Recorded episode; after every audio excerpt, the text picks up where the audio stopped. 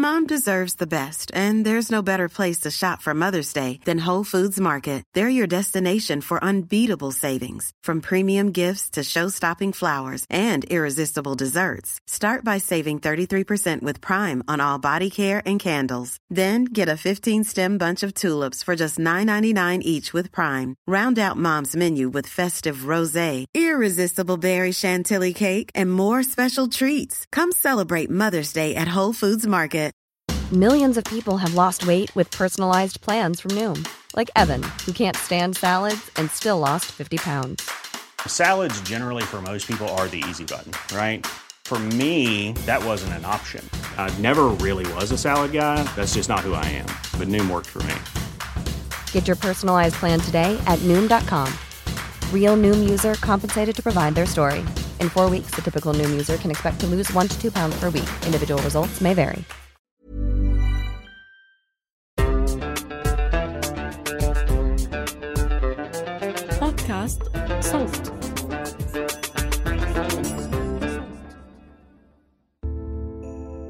يوم 12 يوليو 2022 نشرت وكالة ناسا أول صور اتلقطت من تلسكوب جيمس ويب الفضائي.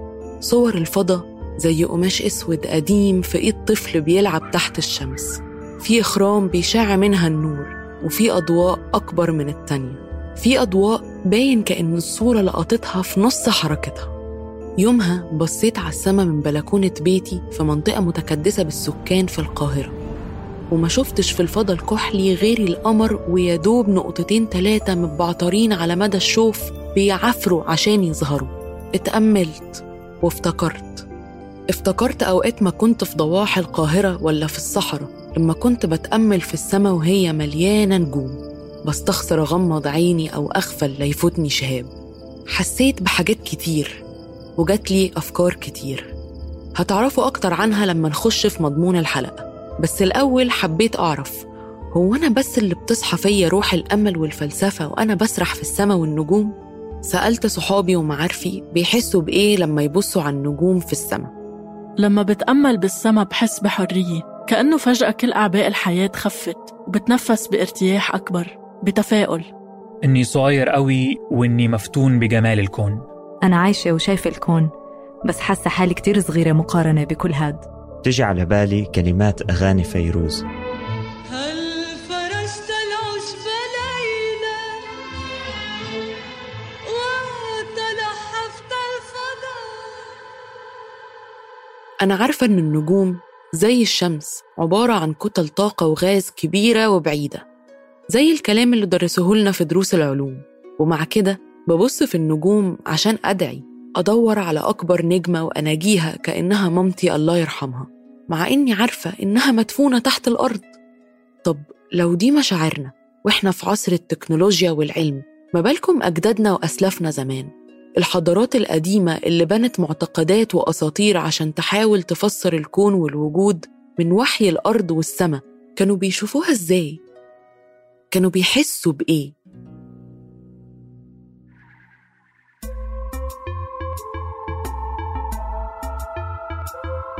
إذا منطلع على الصورة الكبيرة ومننسى ولو لحظيا الكوارث الطبيعية والحروب منلاقي إنه عالمنا منظم كتير ومتوقع إلى حد كبير.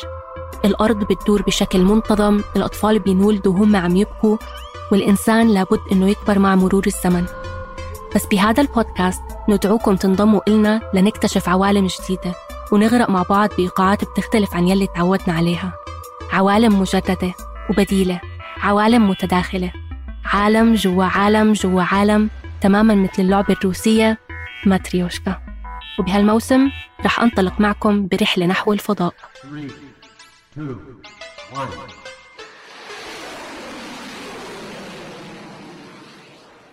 إزيكم؟ أنا بسنت سمهوت من فريق صوت.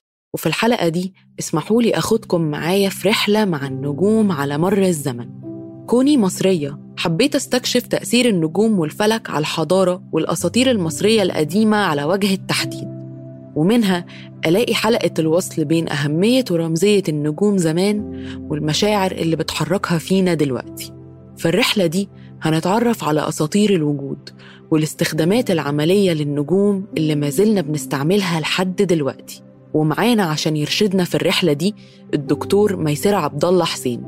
أستاذ الآثار والديانة المصرية القديمة في كلية الآثار في جامعة القاهرة ونائب الرئيس التنفيذي للمتحف القومي للحضارة المصرية. أي متخصص وعاشق للحضارة المصرية القديمة وعنده رغبة إنه يفهم الديانة المصرية القديمة كان لابد إنه هو يكون عنده خبرة كبيرة وواسعة بعلم الفلك في مصر القديمة. وده اللي خلاني من البداية لما تخصصت في النصوص الدينية بتاعت مصر القديمة أنا تخصصت في نوع محدد من النصوص وهو نصوص الخلق نصوص بداية الخليقة الكون بينشأ إزاي الشمس بتتولد إزاي الكواكب والنجوم لما بتتحرك بتتحرك إزاي ومصير روح الإنسان مع هذه الكواكب والنجوم هيكون فين.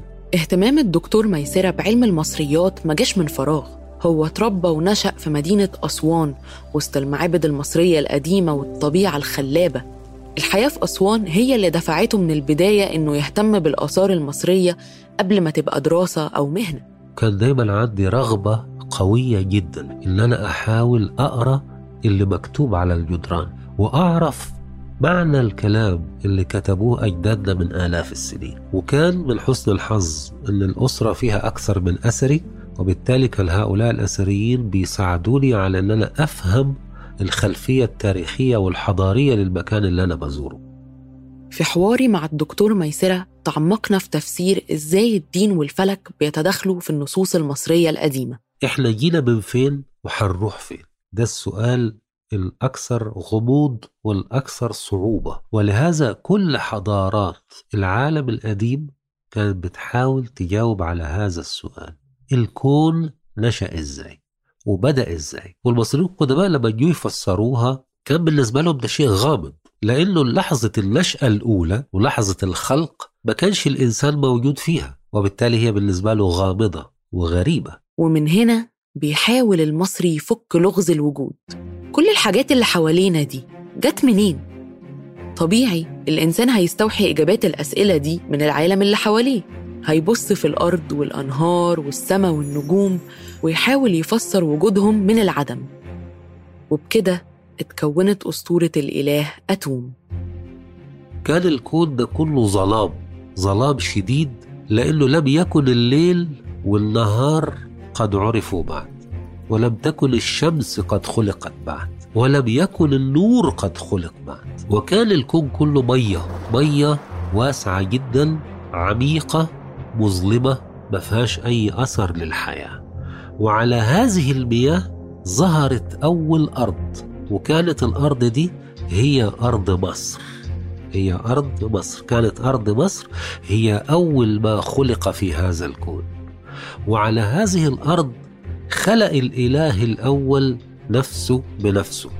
وكان هذا الإله اسمه آتوم آتوم يعني معناها الأتم أو الأكمل أو الكبير جدا. وهذا الإله لما خلق نفسه كان هو يملك القدرة على أنه يخلق أي شيء من العدم من اللا شيء أتوم بعد ما خلق نفسه أنجب ولد وبنت.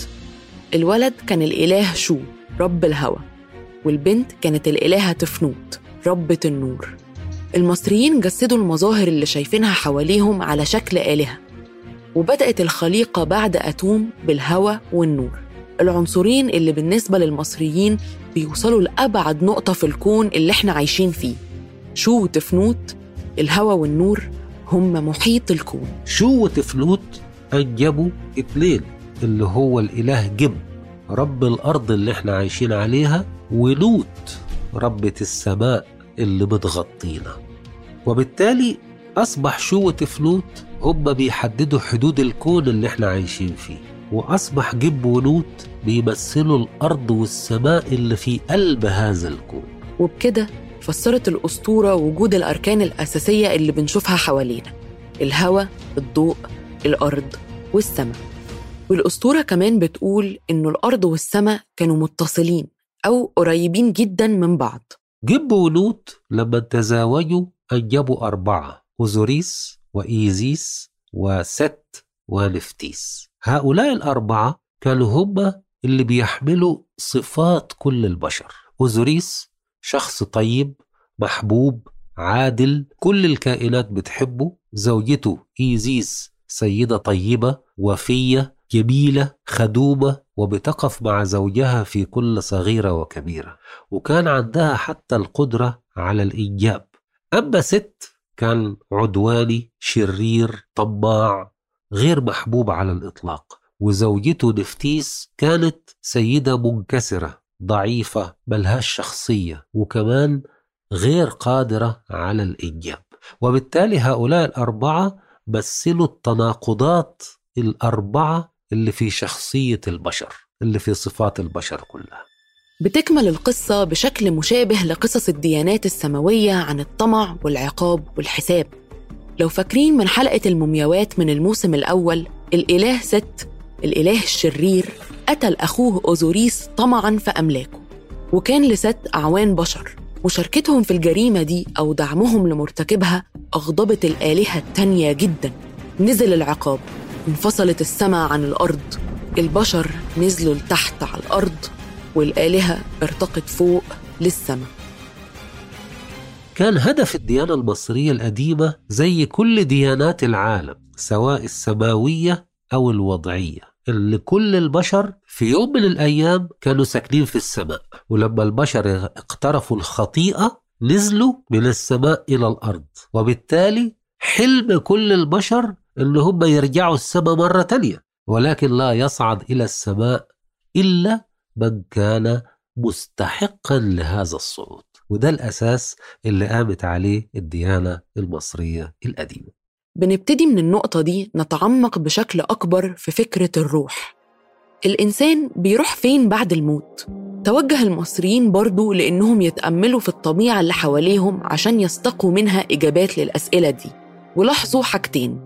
أولاً إن الشمس كل يوم في نفس الميعاد تقريباً بتطلع من الشرق وتسافر وتنزل للغرب وبترجع تاني يوم تعيد نفس الرحلة.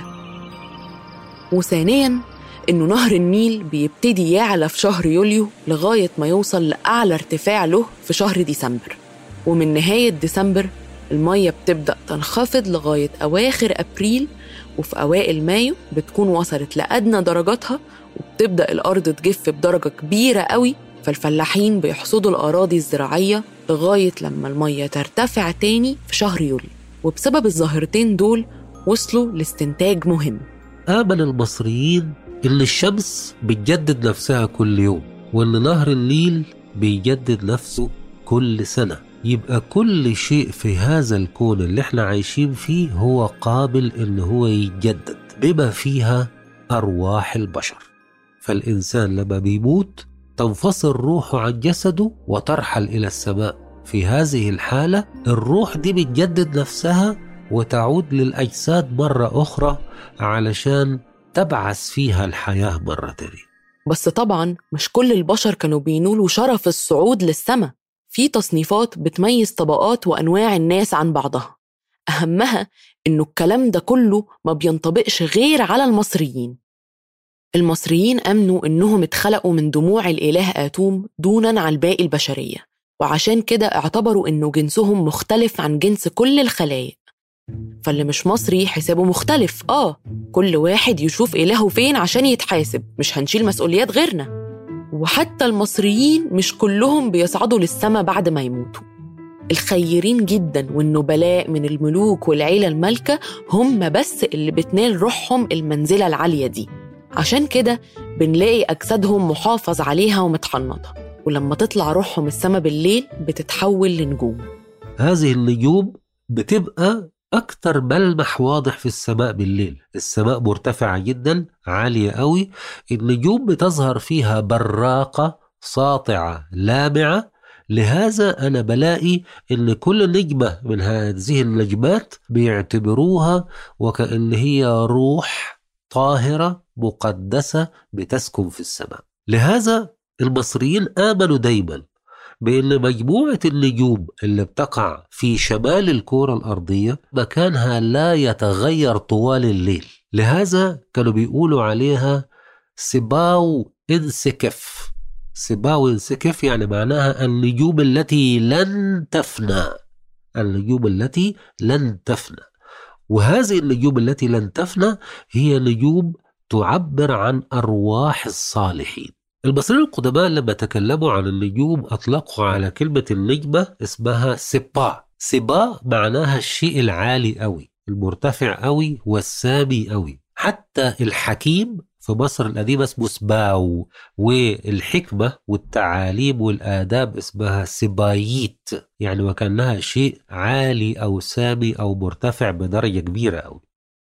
تعمقنا في عالم الأساطير وفهمنا إلى حد ما أهمية النجوم بشكل روحاني بس هل للنجوم أي دلالات تانية أو استخدامات عملية؟ النجوم بالنسبة للمصريين القدماء في حالات قليلة هي بتمثل بشارة بالخير أو تحذير من الشر إحنا عندنا على سبيل المثال من عصر الدولة الحديثة يعني حوالي ألف قبل الميلاد عندنا بردية مهمة قوي اسمها بردية أيام الحظ وأيام النحس يعني أو أيام السعد وأيام النحس. الحقيقة عملت وقفة هنا لما سمعت عن أيام السعد والنحس.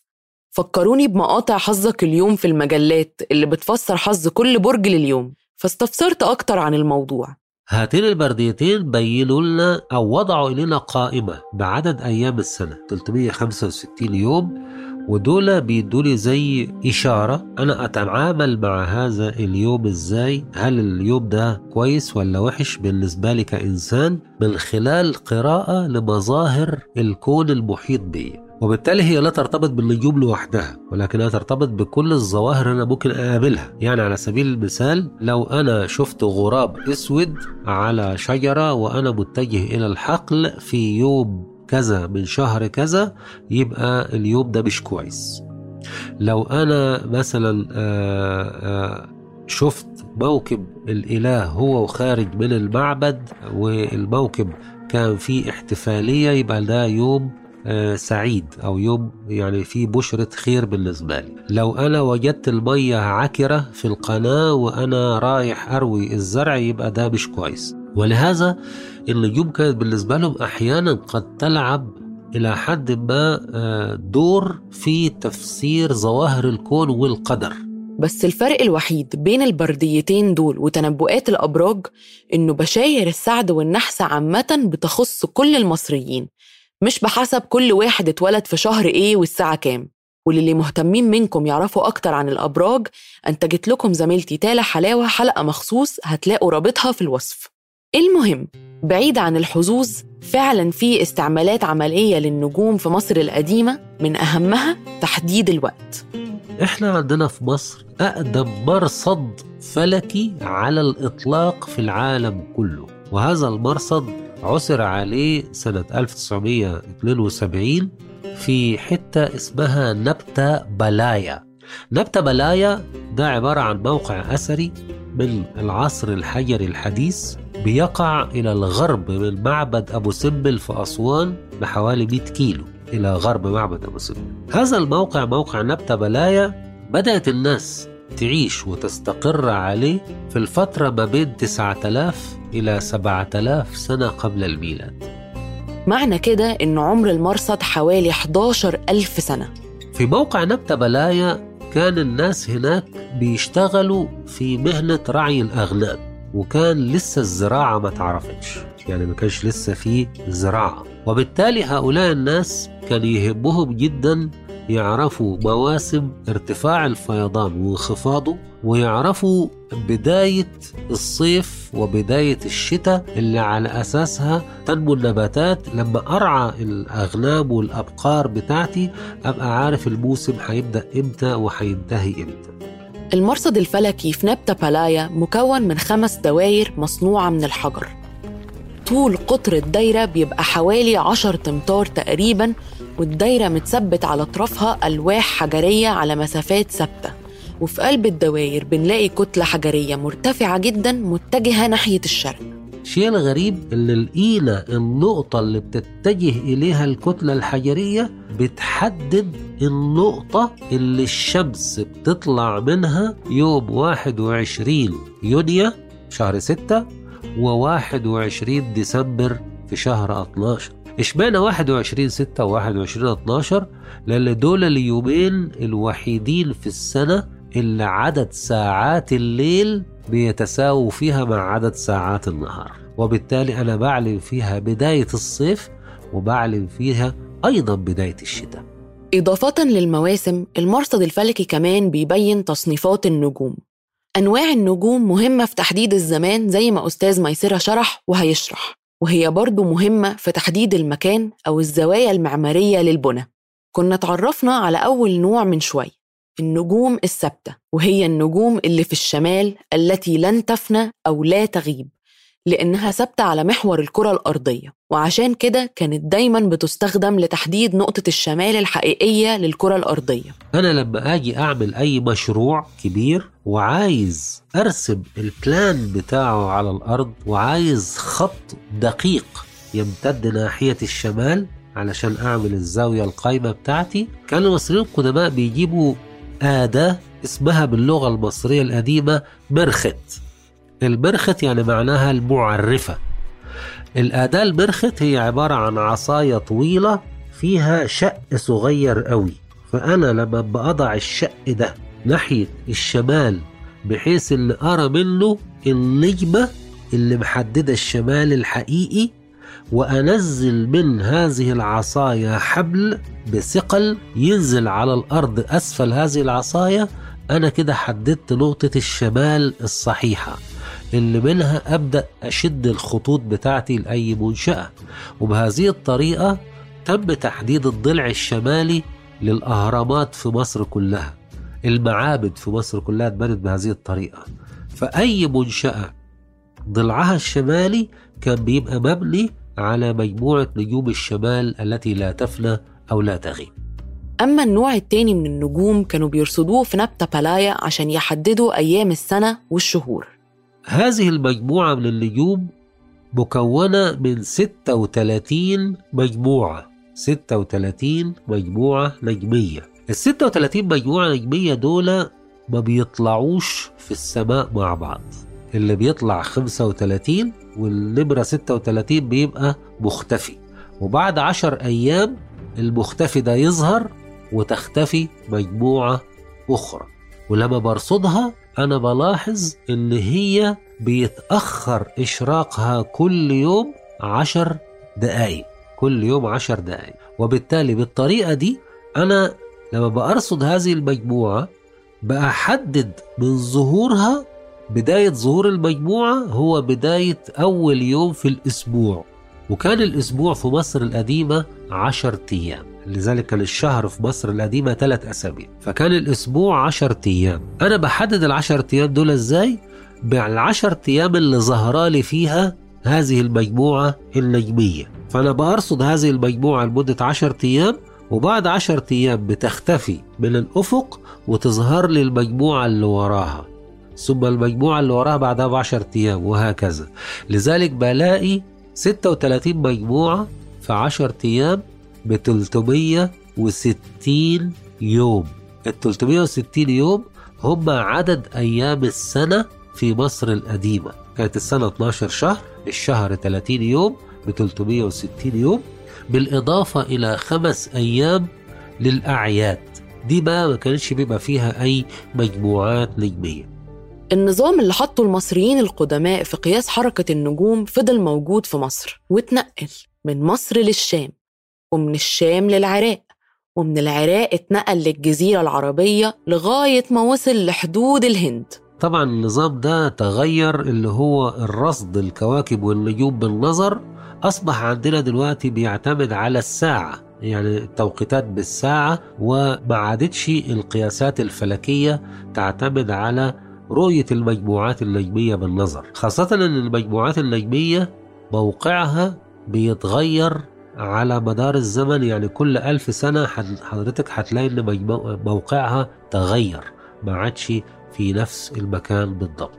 ولذلك حاليا إحنا بنعتمد على الأجهزة الحديثة زي الساعات وزي المراصد الفلكية لكن الرصد بالنظر اللي كان موجود زمان ده توقف استخدامه حاليا. ما تغيرناش كتير عن أجدادنا. ما زلنا بنستخدم النجوم في تحديد الاتجاهات لكن دلوقتي حبيبنا ال GPS هو اللي بيترجم لنا. إذا اعتمادنا على النجوم أساسي جدا من بداية الحضارة لحد النهاردة. وبالرغم من تطور التكنولوجيا واختلاف الوسائط ما زلنا بنسرح في السماء عشان نتمنى ونتأمل ونتسائل عن الكون. النجوم دايما من الطفولة هي بالنسبة لي أرواح. يعني هو ثقافة شعبي معتقد شعبي تراثي إحنا نشأنا عليه. كل إنسان ليه شخص عزيز عليه. عيش في يوم من الأيام ثم رحل إلى إلى العالم الآخر إلى رحمة الله سبحانه وتعالى. وإحنا وإن كنا مدركين تماما إن الجسد مدفون تحت التراب لكن لما بندعو أو بنفكر ما بننظرش للجسد اللي مدفون تحت التراب دايما بننظر لفوق للسماء. وعندنا قناعة وإيمان أن أرواح الناس هي صعدت عند ربنا سبحانه وتعالى يتعارض هذا بقوة مع علم الفلك. وعارفين في علم الفلك إن النجوم عبارة عن شموس على إطار المجرة والمجرة مش عارف كذا و... آه لكن في فرق كبير ما بين العلم المادي المجرد والمشاعر الإنسانية البراقة اللي عايشة جوانا.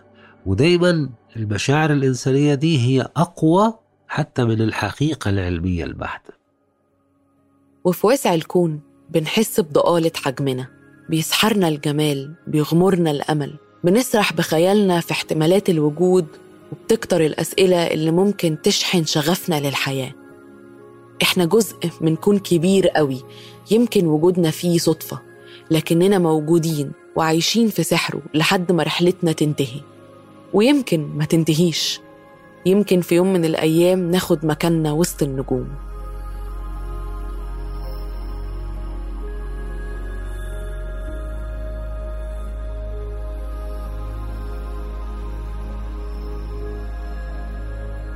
حابة أشكر كل اللي شاركوني مشاعرهم عن النجوم عشان الحلقة وأشكر الدكتور ميسرة بالأخص على المعلومات والرحلة اللي أخدنا فيها لعالم مصر القديمة كنت معاكم من الإعداد الكتابة والتقديم بسنت سمهوت من التحرير تالا العيسى ومن هندسة الصوت نور الدين باللحسن.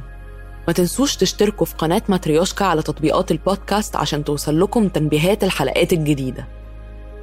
بودكاست ماتريوشكا من إنتاج صوت